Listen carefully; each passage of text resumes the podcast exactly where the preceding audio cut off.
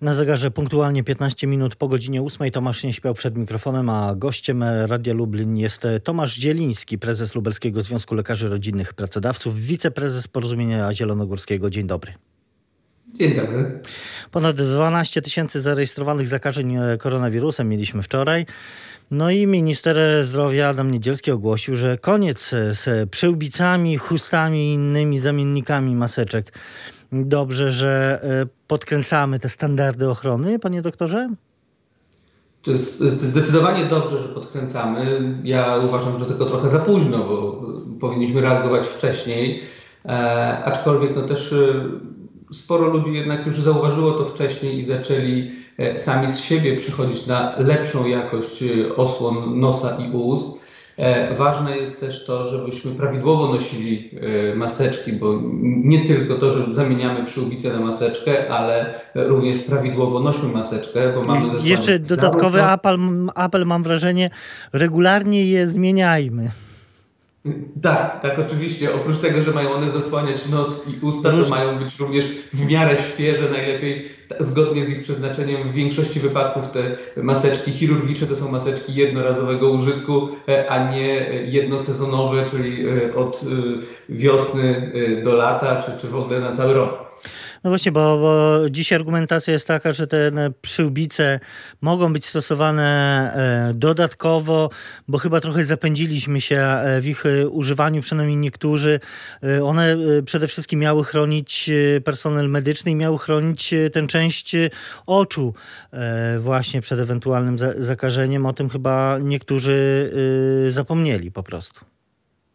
Tak, znaczy, ponieważ y, musimy sobie przypomnieć początki. nie było maseczek. Tak, tak naprawdę rok temu, kiedy zaczynał się y, pierwsze, pierwsze przypadki w Polsce tutaj koronawirusa się miały pojawić i pojawiły, e, to był moment, kiedy maseczek prawie nie było na rynku. W związku z tym każda, e, każdy sposób przesłonięcia był lepszy niż nic. E, natomiast w tej chwili maseczki są w pełni dostępne, w związku z tym nie ma powodu, żeby używać e, zamienników, które są znacznie mniej skuteczne. Natomiast przyłbica oczywiście jest bardzo skuteczna, ale w zasłanianiu oczu. E, I my w gabinetach, w szpitalach e, stosujemy właśnie i maseczki, i przyłbice po to, albo gogle, bo to też jest możliwość zastosowania. Wtedy to jest dodatkowa bariera, czyli dla oczu jest jedyną barierą, a dla mm, tutaj nosa i ust jest dodatkową barierą oprócz maseczki. Nie jest to oczywiście wymysł e, wyłącznie polski. Inne kraje też e, nakazują właśnie noszenie wyłącznie maseczek chirurgicznych. No, są miejsca nawet, gdzie trzeba nosić dwie maseczki. W, w, różnych krajach jest różnie. W Niemczech na przykład jest w ogóle wymóg przynajmniej FFP2, czyli tych jeszcze bardziej zaawansowanych maseczek. E, wszystko chodzi o to, żebyśmy się sami dobrze ochronili i tutaj e, ja jestem zwolennikiem podejścia, że sami z siebie powinniśmy to robić, a nie tylko dlatego, że jest nakaz, bo to chroni nas. Oczywiście chronimy również rodzinę, chronimy sąsiadów, e, przypadkowo spotkanych ludzi, ale tak naprawdę chronimy siebie i o tym powinniśmy pamiętać, że robimy to dla siebie, a nie dla realizacji przepisu. Y, to, y, to niezwykle istotne y, do, do tych zmian, które ogłosił wczoraj minister Niedzielski. No, należy jeszcze dodać, że, że jest od 27 lutego, czy będzie obowiązywać kwarantanna dla osób, które przyjeżdżają do Polski z Czech i Słowacji. Oczywiście z wyłączeniem tych, którzy są po dwóch dawkach szczepionki. Minister też ogłosił, że no, taką regionalizację obostrzeń w województwie warmińsko-mazurskim, gdzie obserwujemy rzeczywiście najtrudniejszą y, obecnie sytuację w kraju. Uczniowie klas 1-3 wracają do nauczania zdalnego, no a otwarte niedawno hotele czy, czy baseny znów mają się y, zamknąć. Słusznie? No oczywiście, że słusznie, jeżeli rośnie nam ilość zakażeń, no to coraz większe ryzyko jest jeszcze szerszego rozprzestrzeniania ponieważ to nie rośnie tylko tak, że jeden do jednego, że jeden zarażony to będzie następny drugi, tylko jeden zarażony zaraża kilka następnych osób i, i, i to jeżeli przeoczymy ten moment wzrostu, e, to później już nawet i obostrzenia nic nie dadzą, bo rozprzestrzenienie będzie tak duże, że nie będziemy w stanie nad tym zapanować. Z drugiej strony, ze względów gospodarczych, nie jesteśmy w stanie prawdopodobnie zamykać całego kraju na okrągło. E, no bo to się źle skończy dla gospodarki, dla życia ludzi w ogóle, e, więc musi dochodzić do takiego ważenia, e, co jest większą wartością i regionalizacja jest jak najbardziej słuszna, ponieważ reagujemy tam, gdzie coś się dzieje. Warmińsko-mazurskie województwo bardzo odbiega od pozostałej części kraju. Jest kilka województw, które się tam do nich zbliżają.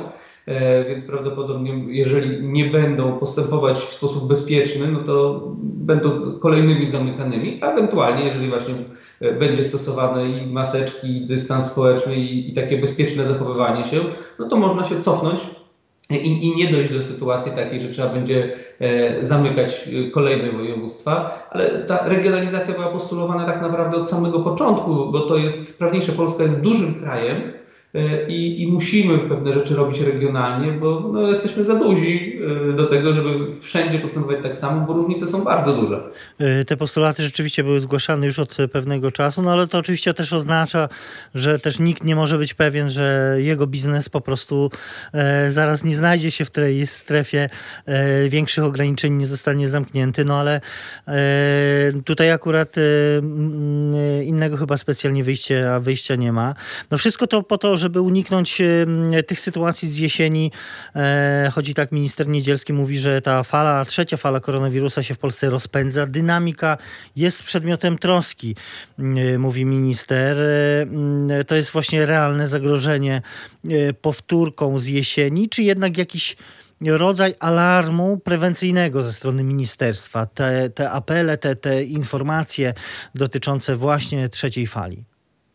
Znaczy wiemy, że we, praktycznie we wszystkich krajach następuje ta trzecia fala, w związku z tym nas też ona nie opuści. E, natomiast e, rozsądne przygotowanie może spowodować, że to nie będzie tak dramatycznie, bo przypomnijmy sobie jesień, kiedy karetki stały na podjazdach do szpitali, nie było miejsc, żeby przyjąć pacjentów. E, oczywiście od tamtej pory troszkę poprawiliśmy infrastrukturę. E, mamy te szpitale tymczasowe, które wtedy nie zostały tak naprawdę wykorzystane, ale są przygotowane, więc zasoby mamy większe. E, ale nie chodzi o to, żebyśmy testowali, czy zasobów nam wystarczy, tylko no, po to, żebyśmy byli zdrowi, więc lepiej zdecydowanie wcześniej zareagować i nie dopuścić do szczytów wysokich takich tej trzeciej fali tylko bezpiecznie dojść do lata, które zawsze w chorobach zakaźnych jest troszkę łagodniejsze e, i, i, i, pozwoli nam też e, na uzupełnienie szczepień, no bo cały czas e, oprócz chorowania szczepimy się, te szczepienia idą jak idą, ale idą i zwiększamy ilość osób, które w sposób bezpieczny mogą funkcjonować, co powoduje, że się mniej wirus będzie przenosił docelowo i będziemy mogli zapanować nad epidemią. A no właśnie, panie doktorze, to jak ten proces e, wspomniany przez pana proces szczepień e, przebiega? No bo coraz częściej słychać, mówiąc wprost o, o pewnym chaosie, nieterminowe dostawy, brak e, precyzyjnych informacji o kolejnych terminach, nieustanna konieczność zmian w grafikach i wynikająca z tego frustracja pacjentów. To wszystko powoduje, że entuzjazm do szczepień przeciwko COVID-19 spada. To czy, czytam o tym na stronie Porozumienia Zielonogórskiego. Lekarze mają dosyć? E, lekarze mają dosyć, natomiast jednocześnie też e, no, mamy poczucie tej naszej misji, od, od, tego jesteśmy, żeby e, chronić zdrowie Polaków. I pomimo problemów, które się pojawiają, pomimo tego chaosu, staramy się na tyle, co jesteśmy w stanie zapewnić szczepienia w jak najmniej dotkliwy dla pacjentów sposób. Natomiast tutaj prosimy o zrozumienie to, że przekładane są terminy, to, że e, one są zamieniane, dostajecie Państwo często w ostatniej chwili informacje o zmianie, to nie wynika z tego, że e, jest bałagan w naszych poradniach, czy że my nie umiemy nad tym zapanować, tylko my nie wiemy, kiedy dostaniemy szczepionkę. Szczepionka ma być we wtorek, dojeżdża w czwartek, ma być rano, jest po południu. E, do ostatniej chwili my po prostu nie wiemy, kiedy ona dotrze. Jak już jest, no to wtedy jesteśmy w stanie zaplanować szczepienie. Natomiast wcześniej nie, ale no, dokładamy wszelkich starań, żebyśmy y, jak najsprawniej te szczepienia przeprowadzili. Tomasz Zieliński, prezes Lubeckiego Związku Lekarzy Rodzinnych Pracodawców, wiceprezes Porozumienia Zielonogórskiego jest gościem Radia Lublin. My na ciąg dalszy naszej rozmowy zapraszamy na radio.lublin.pl i na radiowego Facebooka. Słuchaczom radia bardzo dziękujemy. Dziękuję Państwu. Doktor Tomasz Zieliński, e, prezes Lubelskiego Związku Lekarzy Rodzinnych Pracodawców jest nadal gościem Radia Lublin. Rozmawiamy o sytuacji epidemicznej, o procesie szczepień, który no, wzbudza wiele kontrowersji, ale też pewnie wiele pretensji pod adresem bezpośrednio personelu medycznego, który no właśnie bezpośrednio uczestniczy w tym e, procesie. Mm, czy rzeczywiście jest, panie doktorze, tak, że coraz częściej zdarza się, że w związku z tym chaosem, w związku z no, pewnymi z jednej strony obiektywnymi, a, ale z drugiej strony no, jakimiś organizacyjnymi trudnościami mm, seniorzy yy, rezygnują ze szczepienia? Znaczy, nie, ma, nie jest to na szczęście jakaś duża liczba osób i wciąż jeszcze y, jest więcej chętnych niż dostępnych szczepionek i, i tutaj jakby od razu takie zastrzeżenie, że ten chaos pierwotnie wynika z tego, że szczepionek jest za mało. Po prostu to dotyczy tak praktycznie no i, całego i, świata. I tutaj, I tutaj nie jest winny rząd, nie, nie są winni lekarze, tym bardziej pacjenci, tylko po prostu brak dostaw do, do naszego kraju, no wynikający z tych y, oczywiście umów y, unijnych, y, europejskich z koncernami i, i tych wywiązywania się z tych umów właśnie koncernów, które też mają swoje problemy. Tak, no te problemy są związane z produkcją, z dostarczaniem, z y, większym zapotrzebowaniem niż możliwościami produkcyjnymi. No, walką o szczepionki no, to jest coś, co też oprócz zdrowia zabezpiecza gospodarkę. W związku z tym naturalnym jest, że każdy kraj walczy o to, żeby mieć jak najwięcej tych szczepionek, żeby jak najszybciej e, wyjść na prostą i, i, i przestać się e, borykać z problemami gospodarczymi. E, natomiast to jest od nas niezależne i tego tutaj w Polsce wprost nie rozwiążemy. E, ale e, dostawy szczepionek mogłyby być lepiej zaplanowane. Uważamy, że e, nawet w przy tym, kiedy te szczepionki docierają dosyć późno, bo one docierają w poniedziałki rano do Polski i z tej partii są rozwożone po kraju. W związku z tym no już wiemy, że wszyscy pacjenci, którzy zostali wcześniej zarejestrowani na poniedziałek, nie dostaną tej szczepionki w poniedziałek, bo my jej fizycznie nigdy nie będziemy mieli, ale można byłoby sprężyć się i żeby one się pojawiały we wtorek na przykład, no, lub nawet w środy, ale o znanej godzinie. E, jedna z koleżanek wczoraj mi opowiadała, miała mieć szczepionkę o 13, dostała o 17. W tym, przez te godziny pacjenci, którzy byli umówieni na szczepienie, siedzieli i czekali, a ona nie wiedziała, czy szczepionki dotrą, czy nie dotrą. I teraz my cały czas balansujemy, na ile odkładać szczepienia, a na ile ryzykować, że może jednak dotrą. E, I, I tutaj no, jeszcze raz pacjentów przepraszam za to, nie, nie, my jesteśmy winni, no, ale wiadomo, że jesteśmy twarzą systemu i e, jak coś się dzieje, to my dzwonimy do pacjentów, to my wysyłamy SMS-y i to my potem obrywamy. E, no tak, tak niestety się e, dzieje, e, no ale w związku z tym no, trzeba też pamiętać, że szczepienia to jest nie tylko nie, nie jedyny wasz obowiązek, mówię wasz w sensie lekarzy czy przychodni, bo przecież na bieżąco musicie pracować, leczyć pacjentów. I, i znowu na, ze strony internetowej Porozumienia Zielonogórskiego dowiaduje się, że no choćby są takie przypadki i nie wykluczają lekarze tego, że część przychodni zrezygnuje z udziału w Narodowym Programie Szczepień po zaszczepieniu pacjentów zapisanych do końca marca. E, no, nie jest to taka najszczęśliwsza dla pacjentów perspektywa.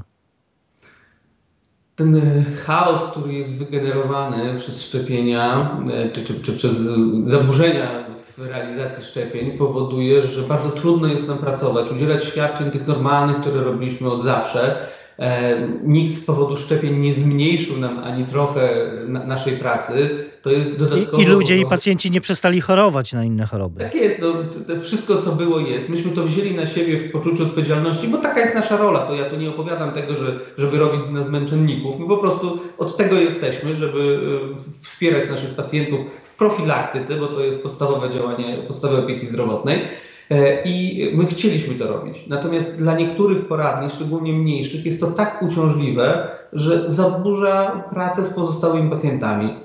Pojawia się problem szczepienia małych dzieci, robienia bilansów, w ogóle udzielania porad. No i teraz każdy musi rozważyć, czy jest w stanie e, pogodzić te dwie rzeczy i w tej chwili bardzo duża część e, poradni rozważa właśnie zakończenie szczepień. Nie chcemy tego zrobić z dnia na dzień, bo, bo najchętniej by wielu tak zrobiło, no ale podjęliśmy się jakiegoś zobowiązania, obiecaliśmy pacjentom, zapisując ich na szczepienie, e, że zostaną zaszczepieni, więc staramy się wszyscy to zrobić.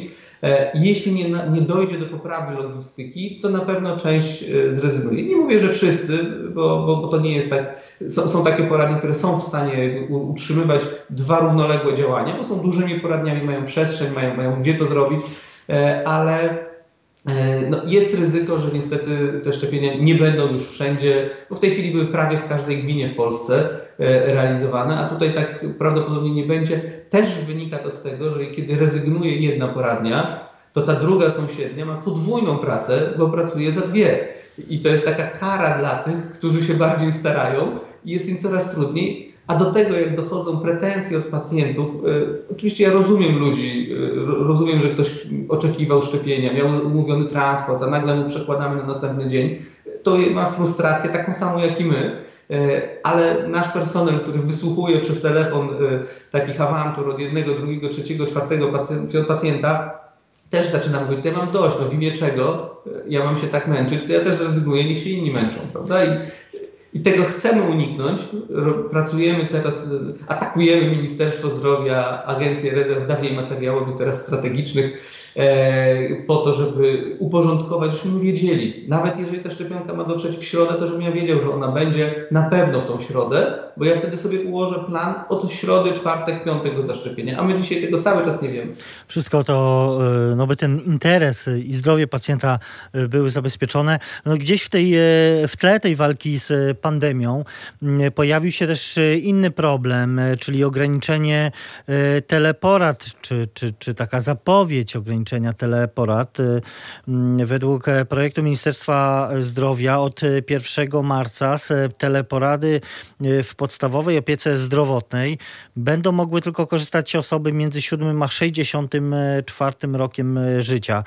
E, co to oznacza dla pacjentów, no szczególnie tych młodszych i starszych? Bo jak rozumiem, tutaj największy problem będzie. Znaczy, e, problem tego projektu, bo to na szczęście jeszcze jest projekt, ja mam nadzieję, że dojdzie do zmiany e, i, i to w ten, w ten sposób nie wejdzie w przepis w życie, ale gdyby tak wszedł, no to oznacza zakaz udzielania teleporad pacjentom tym małym, czyli dzieciom do 6 roku życia i seniorom powyżej 65 roku życia, co oznacza, że wiele osób, które chcą skorzystać z teleporady dla których jest to najwygodniejsze rozwiązanie w okresie zimy, pandemii, trudności komunikacyjnych, różnych powodów, e, zostanie wprowadzony zakaz, no, co w ogóle przeczy logice e, temu, co było wprowadzane przez cały czas naszym zdaniem jest to w ogóle niezgodne z konstytucją, z równością ludzi, e, ograniczania dostępności do świadczeń tylko no, Ale panie doktorze, wiele osób mówi, że no, co to za porada y, przez telefon, co to za y, y, udzielanie świadczeń medycznych przez telefon. No, może na czas pandemii, żeby rzeczywiście usprawnić i zabezpieczyć personel i pacjentów przed ewentualnym zakażeniem, to się sprawdzało, no ale teraz trzeba to jednak ograniczyć w trosce o bezpieczeństwo pacjentów. Jest kilka wątków. Jeden wątek, że te, te teleporady i telemedycyna nie zostały wprowadzone na czas epidemii. W Polsce tak się zbiegło, że my akurat od 2020 roku e, uruchomiliśmy w Polsce możliwość udzielania teleporad w podstawowej opiece zdrowotnej jako świadczenie gwarantowane, czyli państwo obiecało obywatelowi, że każdy ubezpieczony, każdy uprawniony do świadczeń ma prawo do korzystania z teleporady. I to przypadkowo za trzy miesiące pojawiła się pandemia e, i e, zgrało się jedno z drugim i my wiążemy teleporady z pandemią, ale tak naprawdę e, te metody udzielania świadczeń na świecie były już od lat i my byliśmy krytykowani jako tacy zacofani, którzy tego nie robią. E, I to jest pierwsza rzecz. Druga sprawa jest taka, że nie mówimy o tym, żeby teleporady były jedyną formą udzielania świadczeń. Teleporada ma swoje miejsce. Teleporada jest świetnym przygotowaniem na przykład do porady osobistej. Teleporada jest świetnym przygotowaniem, e, czy następstwem porady osobistej, czyli wtedy, kiedy pacjenta widzieliśmy, przy kontroli, jak się pan czuje, pani, e, jakie, nie wiem, ma ktoś cukrzycę, skontrolowanie poziomów cukru. Do tego nie jest potrzebna wizyta osobista. I tutaj oszczędzamy czas pacjenta, bo porozmawianie z lekarzem przez telefon to jest kilka minut, kilkanaście minut rozmowy i tyle, a więcej czasu nie trzeba. Natomiast pojawienie się w poradni, no to trzeba się wcześniej wybrać, trzeba przyjść trochę wcześniej przed godziną umówioną, trzeba odczekać, trzeba później wrócić do domu i jeżeli, zwłaszcza jak mówimy o seniorach, to to są ludzie, którzy często wymagają transportu, czyli zabieramy czas nie tylko pacjenta, ale również jego kogoś z rodziny, który na przykład pracuje i musi wziąć wolny, musi wziąć urlop, żeby dostarczyć swojego dziadka czy swojego tatę, mamę e, do poradni, więc to, to jest obopólna korzyść. E, I ograniczanie tego na zasadzie takiego, że skończyłeś tyle lat, to koniec już nie możesz korzystać, na to naszej zgody nie może być, e, bo to jest niebezpieczne dla pacjentów. I ja się zgadzam, że nie może być wyłącznie teleporad, bo nie wszystkie choroby się da e, rozpoznać, nie wszystkie się da monitorować e, w formie teleporady i na te porady pacjenci muszą trafiać e, do naszych poradni. Natomiast E, nie, nie może to być zakazywane, że w ogóle w żadnym wypadku pacjent nie może trafić na teleporadę, bo to jest szkodliwe dla pacjentów. Myśli pan, że Ministerstwo Zdrowia e, e, wsłucha się w te wasze argumenty i zmieni decyzję, no, albo w jakiś sposób zmodyfikuje te, ten projekt, żeby go dostosować do także oczekiwań samych lekarzy i pacjentów części pewnie też?